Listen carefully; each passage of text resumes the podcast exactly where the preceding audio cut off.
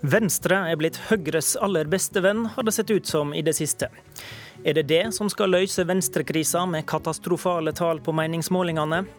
De bør heller innrømme overfor velgerne sine at de har gjort en stor feil. Det kommer noen til å påstå i Politisk kvarter, der Venstre altså er temaet for sendinga. Og Venstres ulike sprang er også høgst relevante når vi starter denne sendinga med jordbruksoppgjøret, som ble landa seint i går kveld. God morgen, landbruksminister Jon Georg Dale. God morgen. Bondeorganisasjonene brøt med staten etter tilbudet på 410 millioner kroner tidligere i vår. Etter dragkamp fram og tilbake, der Venstre forhandla først med opposisjonen og så med regjeringa, så øka Stortinget ramma til 625 millioner og de nye detaljene ble landa mellom staten og bøndene i går.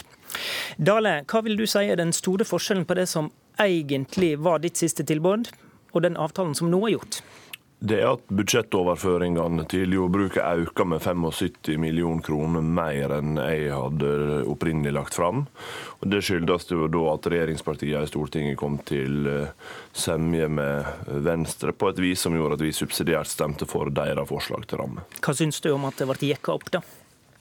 Nei, eh, Vi mente jo at vi i utgangspunktet strekte oss langt gjennom forhandlingene. Når vi likevel eh, valgte å stemme for Venstre sitt subsidiære forslag, så handla jo det om at også eh, regjeringspartiet har vært opptatt av punkt én, at vi skal ha en god utvikling i jordbruket, men punkt to, at vi skal ivareta den moderasjonslinja som har prega lønnsoppgjørene de siste åra. Og den ramma som vi nå endelig lander på, ivaretar begge de to hensynene. Hva vil du si Venstre har fått til gjennom disse rundene? da? De har fått til uh, to ting. Det ene er at de har fått på plass en ansvarlig ramme som ivaretar moderasjonslinja. Og det andre er at de har fått gjennomslag på viktige politiske områder i landbrukspolitikken. F.eks. gjeninnført uh, muligheter for å subsidiere akevittproduksjonen. Uh, eller det kan være endringer som nå gjør at vi styrker den geografiske produksjonsfordelinga, med andre ord ansvarsdelinga i jordbruket, som gjør at det blir mer lønnsomt å opprettholde husdyrproduksjonen på Vestlandet og i Nord-Norge, på bekostning av de sentrale østlandsbygdene.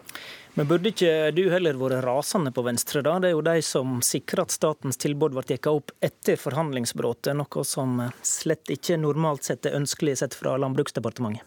Nei, Det er jo ingen tvil om at uh, vi kan ikke ha en praksis der Stortinget hvert år uh, jekker opp Eh, de forslagene staten kommer med. Da vil det gi alle insentiv til å bryte. Men jeg opplever at Venstre opptrådte opptrådt ansvarlig. Vi er en mindretallsregjering som må forvente å forhandle med opposisjonen. Det har vi gjort med Venstre nå.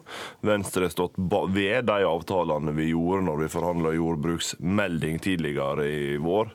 Så det er ikke noe overraskende for meg at når vi ikke kom til semje med jordbruket i første omgang, at eh, Venstre posisjonerte seg slik de nå gjorde. Takk til deg, Jon Georg Dale.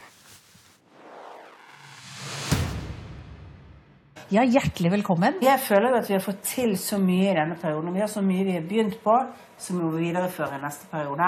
Vi får fram det beste mm. i hverandre. Det du hørte her, var Venstre-leder Trine Skei Grande og statsminister Erna Solberg som arrangerte Folkets spørretime på Facebook Live fra Grandes kjøkken i går kveld. Det var rett så trivelig, og er bare ett av flere eksempel de siste ukene der Venstre markerer at de står nært Høyre og regjeringa. Ola Elvestuen, nestleder i Venstre. Er det blitt eh, viktigere enn tidligere i stortingsperioden å formidle at Høyre og Venstre er veldig gode venner? Nei, det som er viktig å formidle, det er alle gjennomslagene som Venstre har med et borgerlig flertall på Stortinget. Det du nettopp refererte er jo landbruksoppgjøret i år, hvor vi tydelig har prioritert de små og mellomstore brukene. Eh, og laget en ramme, en ansvarlig ramme fra Stortinget. Vi har store gjennomslag innenfor klimapolitikken, det er nå vi har fått på plass klimalov, det er nå vi ønsker å ha en enighet med EU. Utslippene fra transportsektoren går endelig nedover. Det er elleve måneders studiestøtte. Men er det blitt viktigere enn tidligere i perioden å markere dette, lurte jeg på? Ja, selvfølgelig er det viktig når du nærmer et valg å vise fram hva man får til, hva du mm. får til innenfor næringspolitikken, hva du får til innenfor utdanningspolitikken, hva vi ikke minst får til innenfor klima- og miljøpolitikken. Og dette skjer med et borgerlig flertall på Stortinget, og vi må vise fram hvordan vi får dette til. Og det gjør selvfølgelig at vi må snakke med de som vi har fått med, bl.a. Høyre. Venstre har leie under sperregrensa i hver eneste NRK-måling i år. Ehm, du garanterer i Klassekampen i dag at Venstre vil ikke skifte side. Tror du potensielle venstrevelgere kan ha vært i, i, tvil om det, og at det kan forklare de problemene dere har hatt? Det vi er tydelige på, er jo at vi vil ha en blå-grønn regjering. Eh, altså en annen borgerlig regjering. Skal vi få til det, så må vi ha et borgerlig flertall, og Venstre er en avgjørende størrelse for å få til det. Men tror du velgerne, potensielle eh, velgere kan ha vært i tvil om hva dere vil gjøre i det spørsmålet? var det jeg lurte på? Jeg tror vi står tydelig plassert på en moderat uh, borgerlig side i sentrum av norsk politikk, som et grønt og liberalt uh, parti, og det er det vi også forsterker i den situasjonen som vi nå er. Venstre bør innrømme overfor velgerne at de tok feil, sa i overskriftene til denne sendinga. De ordene kommer fra deg, Heikki Holmås, avtroppende stortingsrepresentant for SV. Hva er Venstres feil? Nei, altså Jeg syns jo ikke det er rart det går dårlig med Venstre. fordi at Før valget i 2013 så lovte Venstre at bare de fikk styre landet sammen med Fremskrittspartiet, så skulle det bli rausere asylpolitikk og en mye mer ambisiøs klimapolitikk. Men nå har vi altså fasit, og det er at du har den hardeste flyktningpolitikken siden andre verdenskrig, og at klimagassutslippene som gikk ned under den rød-grønne regjeringen, de har sluttet å gå ned og flatet ut. Og Da mener jeg at Venstre må være så ærlige, hvis de skal kunne komme videre, de må være så ærlige og innrømme overfor sine velgere at de tok feil. Det ble ikke bedre klima- og flyktningpolitikk ved at Fremskrittspartiet styrer, selv om Venstre fikk ha en hånd på rattet. Det ble faktisk men det, dårligere. Men dette er jo direkte feil. For det første, når jeg gikk til valg, og du husker jo situasjonen for fire år siden. Da var det lengeværende asylbarn som var det store temaet. 280 av de litt over 300 var snakk om, har fått lov til å bli i Norge. Vi tar imot tre ganger flere kvoteflyktninger i dag enn man gjorde med den rød-grønne regjeringen. Er det noe vi også har levert på, det er det der. Og I klima- og miljøpolitikken så er det jo store gjennomslag. Det er nå du har fått systematikk. Det er nå vi har fått på plass en, en klimalov. Det er nå du har en satsing på kollektivtrafikken inn i de store byene som aldri var til stede med den rød-grønne regjeringen. Når jeg satt som byråd i Oslo i 2012, fikk ikke Oslo og Akershus ei krone fra regjeringa. I år så er det nærmere 500 millioner som, som går inn. Jeg vil påstå at SV er med på flere flertall i miljø- og klimapolitikken i denne perioden enn de noensinne har vært i nærheten av når de selv satt i regjering. Altså, Utslippene har flatet ut. De gikk ned under oss. Og Jeg er ikke den som står her og sier at Venstre ikke har fått noe gjennomslag på noen politikkområder. Men du kan ikke sitte med dagens regjering og påstå at Fremskrittspartiet med Sylvi Listhaug, som altså henges ut i New York Times for å føre en av verdens strengeste returpolitikker, fører en bedre politikk yes. nå enn det de gjorde før. Og du kan altså ikke, når klimagassutslippene gått, uh, gikk ned under vår regjeringsperiode og nå har flatet ut, og det er sånn at du har vært med med på å avskaffe ethvert nasjonalt klimamål frem til 2030, så kan du ikke påstå at klimagassutslippene går i mer sterk nedadgående retning enn under oss. Miljødirektoratens siste rapport er at utslippene går ned. Det gjorde de i 2016. Og rapporten også med den, med den miljømeldingen ja, som nå er gitt fram, er at de går framover. Og det vi gjør, som dere aldri var villige til å gjøre, er at du er villig å inngå en nasjonal forpliktelse sammen med Europa. Der du gir en forpliktelse som du ikke kan havne under. Og du kan selvfølgelig ha nasjonale mål oppå det. Dette har SV stemt imot, og dere vil ikke være, dere vil ikke være med på den forpliktelsen. Men vet du hva, det er ikke en forpliktelse. Selvfølgelig. Seriøst, Ola Elvestuen. Det er altså sånn at når, når, når Europa i fellesskap skal ned 40% og Norge skal være en del av det, så innebærer det selvfølgelig også forpliktelser i Norge. Ja, det ligger en viss fleksibilitet der, men du velger selv om du ønsker å være med på den men, eller ikke. Og det dere har i, har i Hvis dere ikke ønsker dette, er jo ingenting annet. Jo, vi har tøffe nasjonale klimamål om at klimagassutslippene skal gå ned. Hvis du hørte på hva og du, Jeg vet at du var på pressekonferansen til klimaministeren da han la frem klimaplanen. Hva var det han sa der? Han sa vi regner med å kunne kjøpe så mye kvoter av EU. Vi kommer til å regne med å kjøpe så mye kvoter at vi slipper å gjennomføre en ny Nei, klimapolitikk i Norge.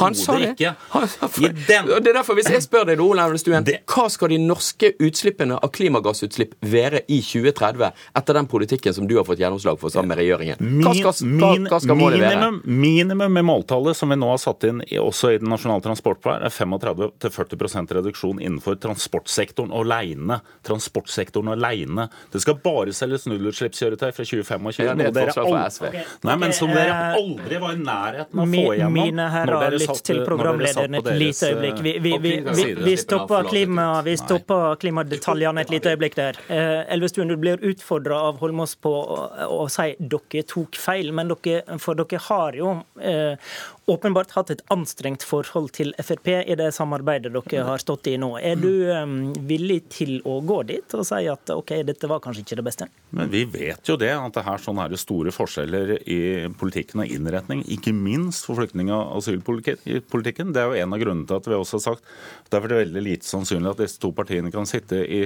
i samme regjering. Men vi har likevel hatt gjennomslag på det vi gikk til valg på også i for fire år siden, som gjelder lengeværende asylbarn, som gjelder eh, kvoteflyktninger, hvor det var en strammere politikk med den rød-grønne regjeringa.